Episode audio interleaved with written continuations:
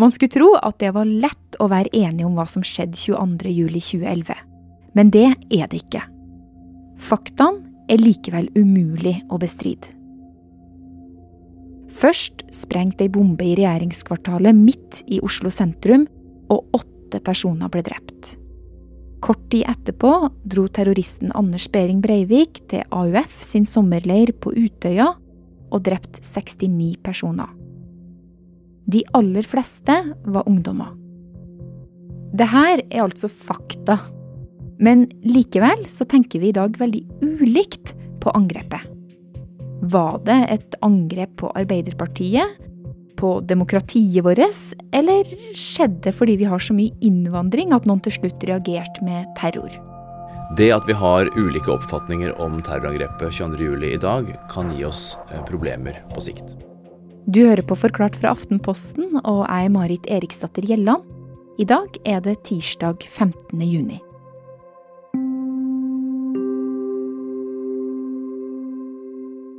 Like etter 22. juli mente de fleste av oss det samme. Terroren var et angrep på demokratiet vårt. Over hele landet gikk folk i rosetog, og Jens Stoltenberg, som var statsminister, hadde ett budskap. Så det ene er ikke sant, ondskapen. Men, men, det andre er da det, det motsatte.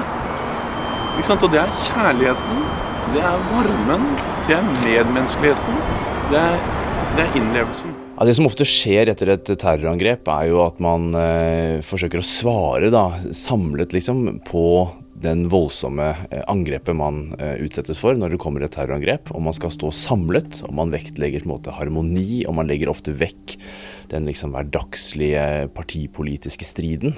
Anders Ravik Djupskås er nestleder ved Senter for ekstremismeforskning, og har nettopp kommet med en rapport om hvordan vi ser på 22.07 i dag. Så Det som ble tydelig etter 22.07 i Norge, var jo at Jens Stoltenberg snakket om at dette var et angrep på demokratiet. Ok, Så det handla om å stå sammen, da? Stå sammen. Legge vekk eh, splid og strid, og, og, og samle seg i kampen mot eh, det, det grusomme. I årene etter terroren så går debatten.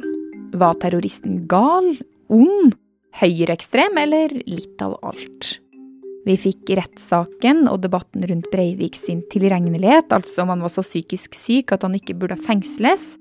Og så kom Gjørv-kommisjonen med en rapport om beredskapen og sikkerheten i landet. Men etter hvert så dabba diskusjonen rundt 22. juli-terroren av. Og ettersom årene har gått, har det bare blitt stillere og stillere.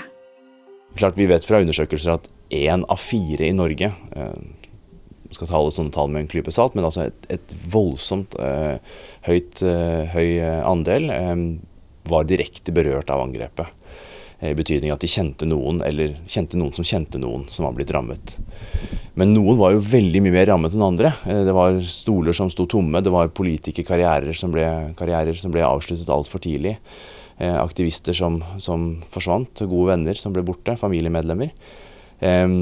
og for noen så ble det veldig måte, tøft å oppleve at 22. juli på sakte, men sikkert liksom gled ut av en slags offentlig bevissthet. Og nå, ti år etter terroren, så sier flesteparten av oss at vi nesten aldri tenker på 22. juli lenger. Og hvis vi blir spurt om det, så tenker vi ganske forskjellige ting, ifølge forskninga til Anders. Først så er det de som er enig med Jens Stoltenberg, og at det var demokratiet som ble angrepet. Det som er slående med de som støtter denne fortellingen, er at de blir først og fremst lei seg av å tenke på angrepet, og i mindre grad eh, sint eller redd. Så, så, man kan på en måte tolke det litt som et slags avsluttet kapittel. Man blir trist av å tenke tilbake på det, men tross alt, vi håndterte det ganske bra. Så er det en annen fortelling, nemlig mangfoldsfortellingen, som vi kaller det, som i mindre grad vektlegger at demokratiet ble angrepet, og i større grad påpeker at det var et veldig politisk rettet angrep mot Arbeiderpartiet, AUF, mot venstresiden og mot det flerkulturelle Norge. Det som er typisk for de som tror på denne fortellingen også, er at de i mye større grad ser det som et resultat av høyreekstremisme. De har en veldig klar eh, idé om hvorfor angrepet skjedde. Og som en følge av det så mener de også at man skal konfrontere høyreekstremismen hardere enn det man har gjort. Det, treng, det, trengs et mer av et oppgjør med det tankegodset. Og De mener at vi må snakke mer om 22.07 i dag, slik at det ikke forsvinner ut av bevisstheten i den norske befolkningen. Og Så finnes det en tredje fortelling, og det er det vi kalte en ytre høyre-fortelling, som er radikalt annerledes enn de to andre. Den fortellingen den ser ikke på angrepet som veldig politisk i det hele tatt.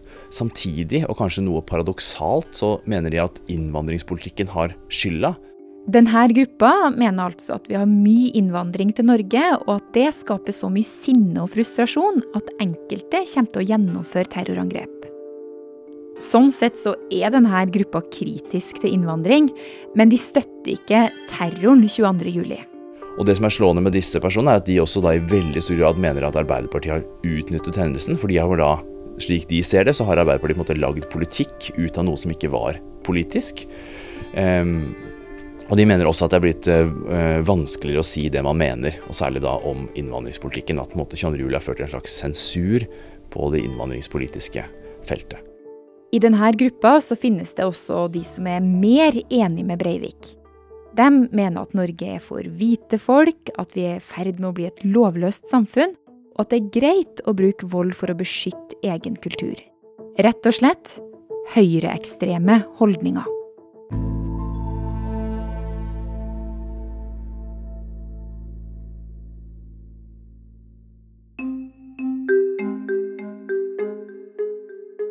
Da forsker Anders Ravik Djupskås og de andre ved Senter for ekstremismeforskning undersøkte hvordan vi ser på 22.07-terroren nå ti år etter, så fant de ut at 2% her i landet har høyreekstreme holdninger. For mye av tankegodset fra Breivik lever fortsatt.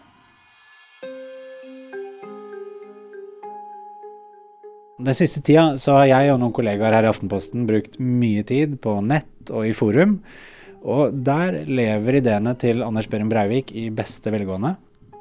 De inspirerer andre til terrorangrep, som f.eks. Philip Manshaus, som angrep en moské for noen år siden.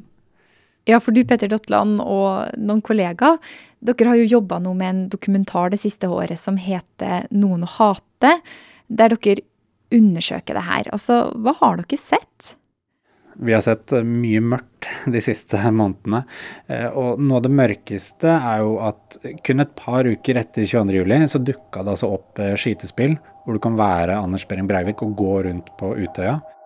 Spill som det blir jo tatt ned så fort de oppdages, men de dukker opp jevnlig. Og noen ganger så er det veldig uferdig spill eh, som noen ikke har brukt så mye tid på. Eh, mens andre ganger så er det ganske velutvikla spill som nynazistiske organisasjoner kan stå bak.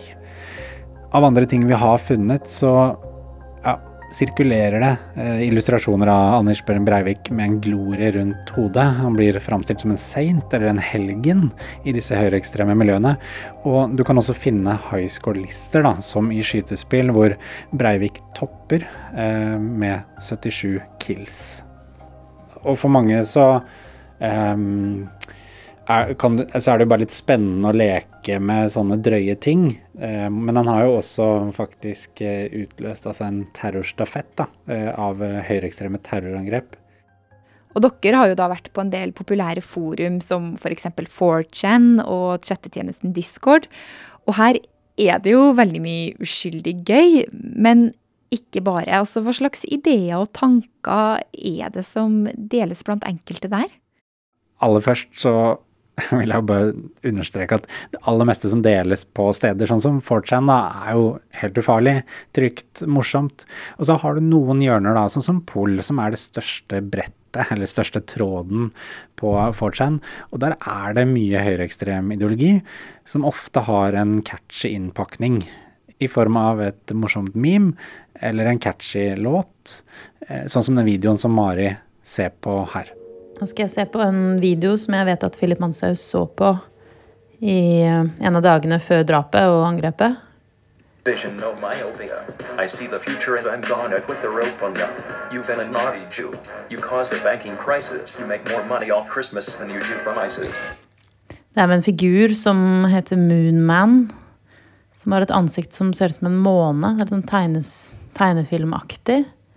Låta er jo catchy, da, så det virker som de vil at jeg skal trampe takta.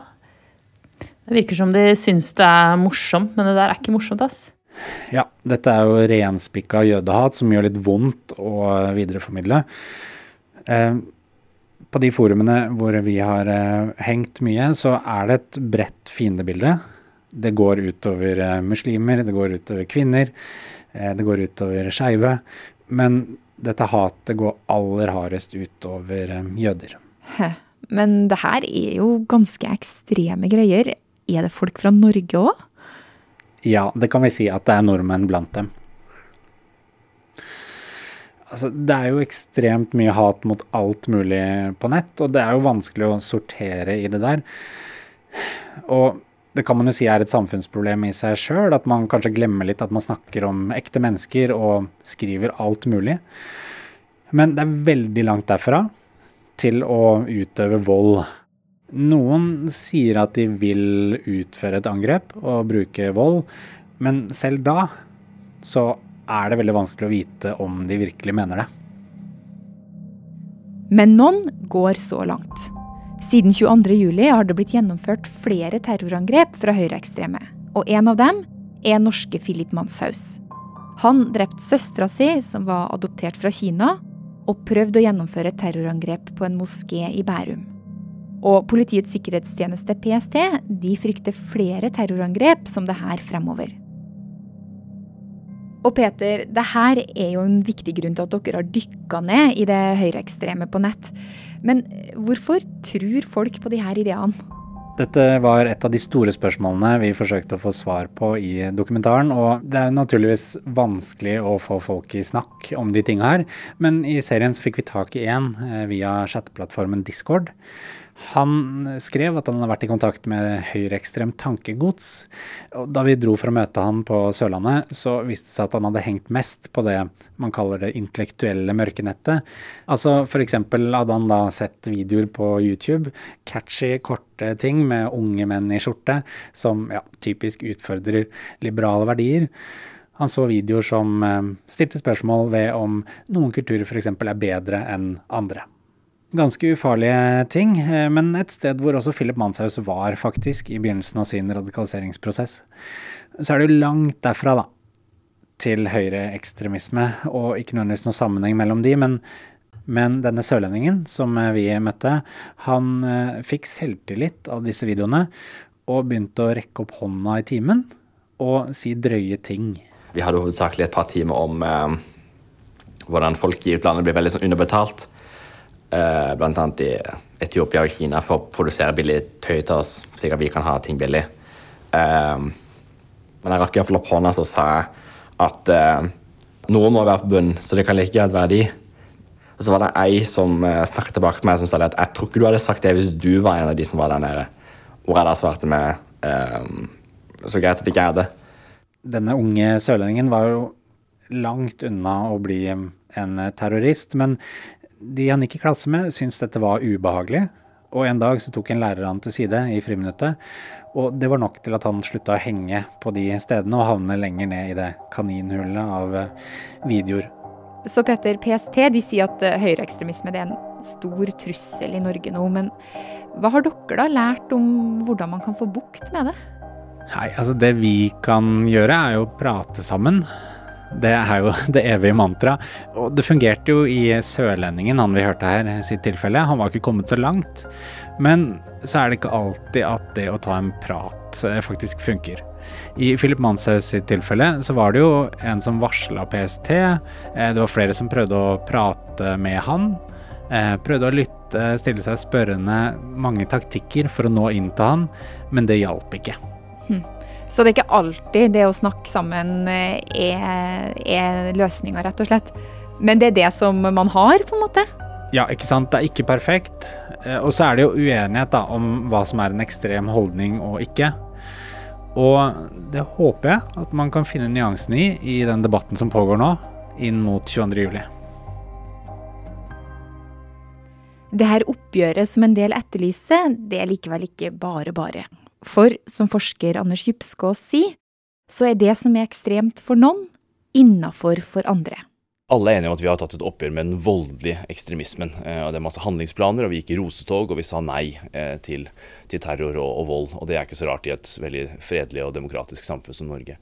Men så er det de som ønsker å ta et oppgjør også med de holdningene som ligger bak, eh, som sier vi må ta et oppgjør med høyreekstrem ideologi. Eh, og der er det nok ganske mange som er enig. Det ser vi også i undersøkelsen vår, at mange i Norge mener at det er rom for å konfrontere det høyreekstreme landskapet mer. Og da tenker jeg det er både den nordiske motstandsbevegelsen som marsjerer i gatene i Kristiansand, men det kan også være eh, Sian, som jo måte også Fremskrittspartiet har markert en ganske tydelig av, tatt avstand fra, og sagt at du kan ikke være medlem av Sian og Fremskrittspartiet samtidig, f.eks.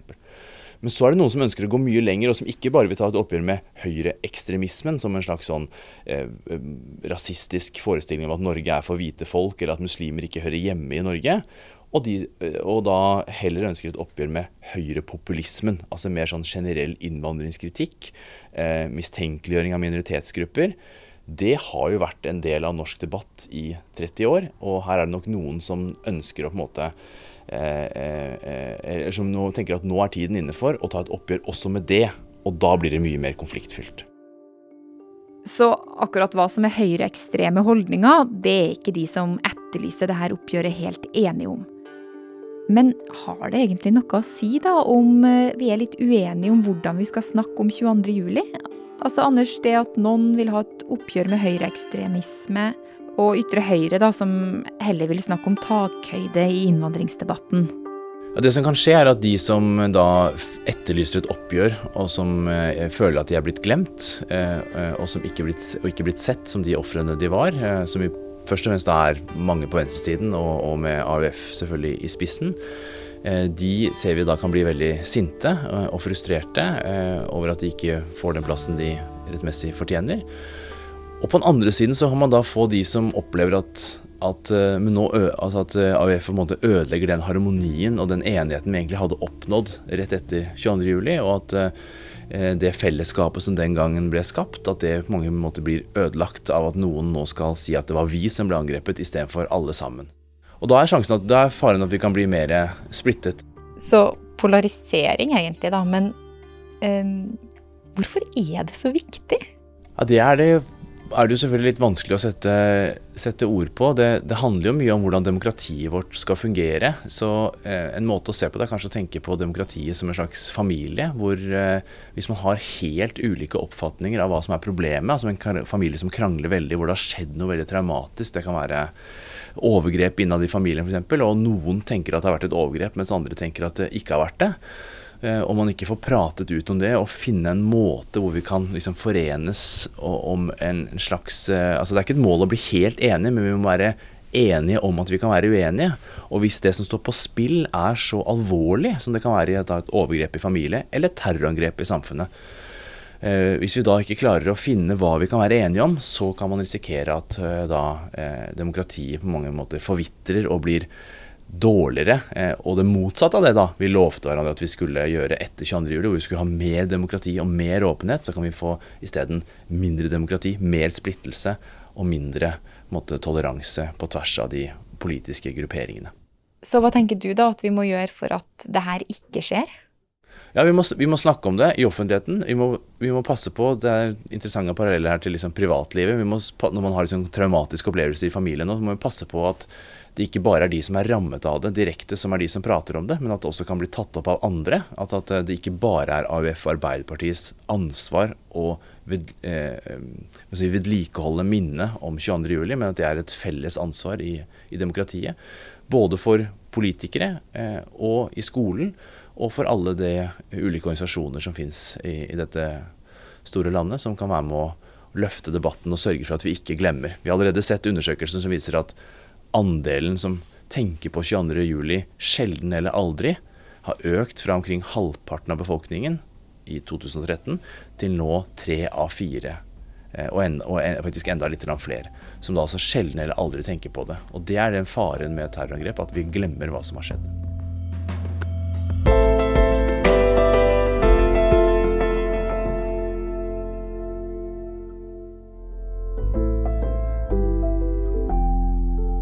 Denne episoden var laga av produsent Fride Næss Nonstad og meg, Marit Eriksdatter Gjelland. Resten av Forklart er Ina Swan, Anne Lindholm og Guri Leiel Skedsmo. Du har hørt lyd fra VG. Og eh, for å høre mer om høyreekstremismen på nett, så kan jeg virkelig anbefale deg å sjekke ut dokumentaren Noen å hate. Siste episode kom faktisk i dag, og nå er det mulig å binge hele serien der du hører podkast.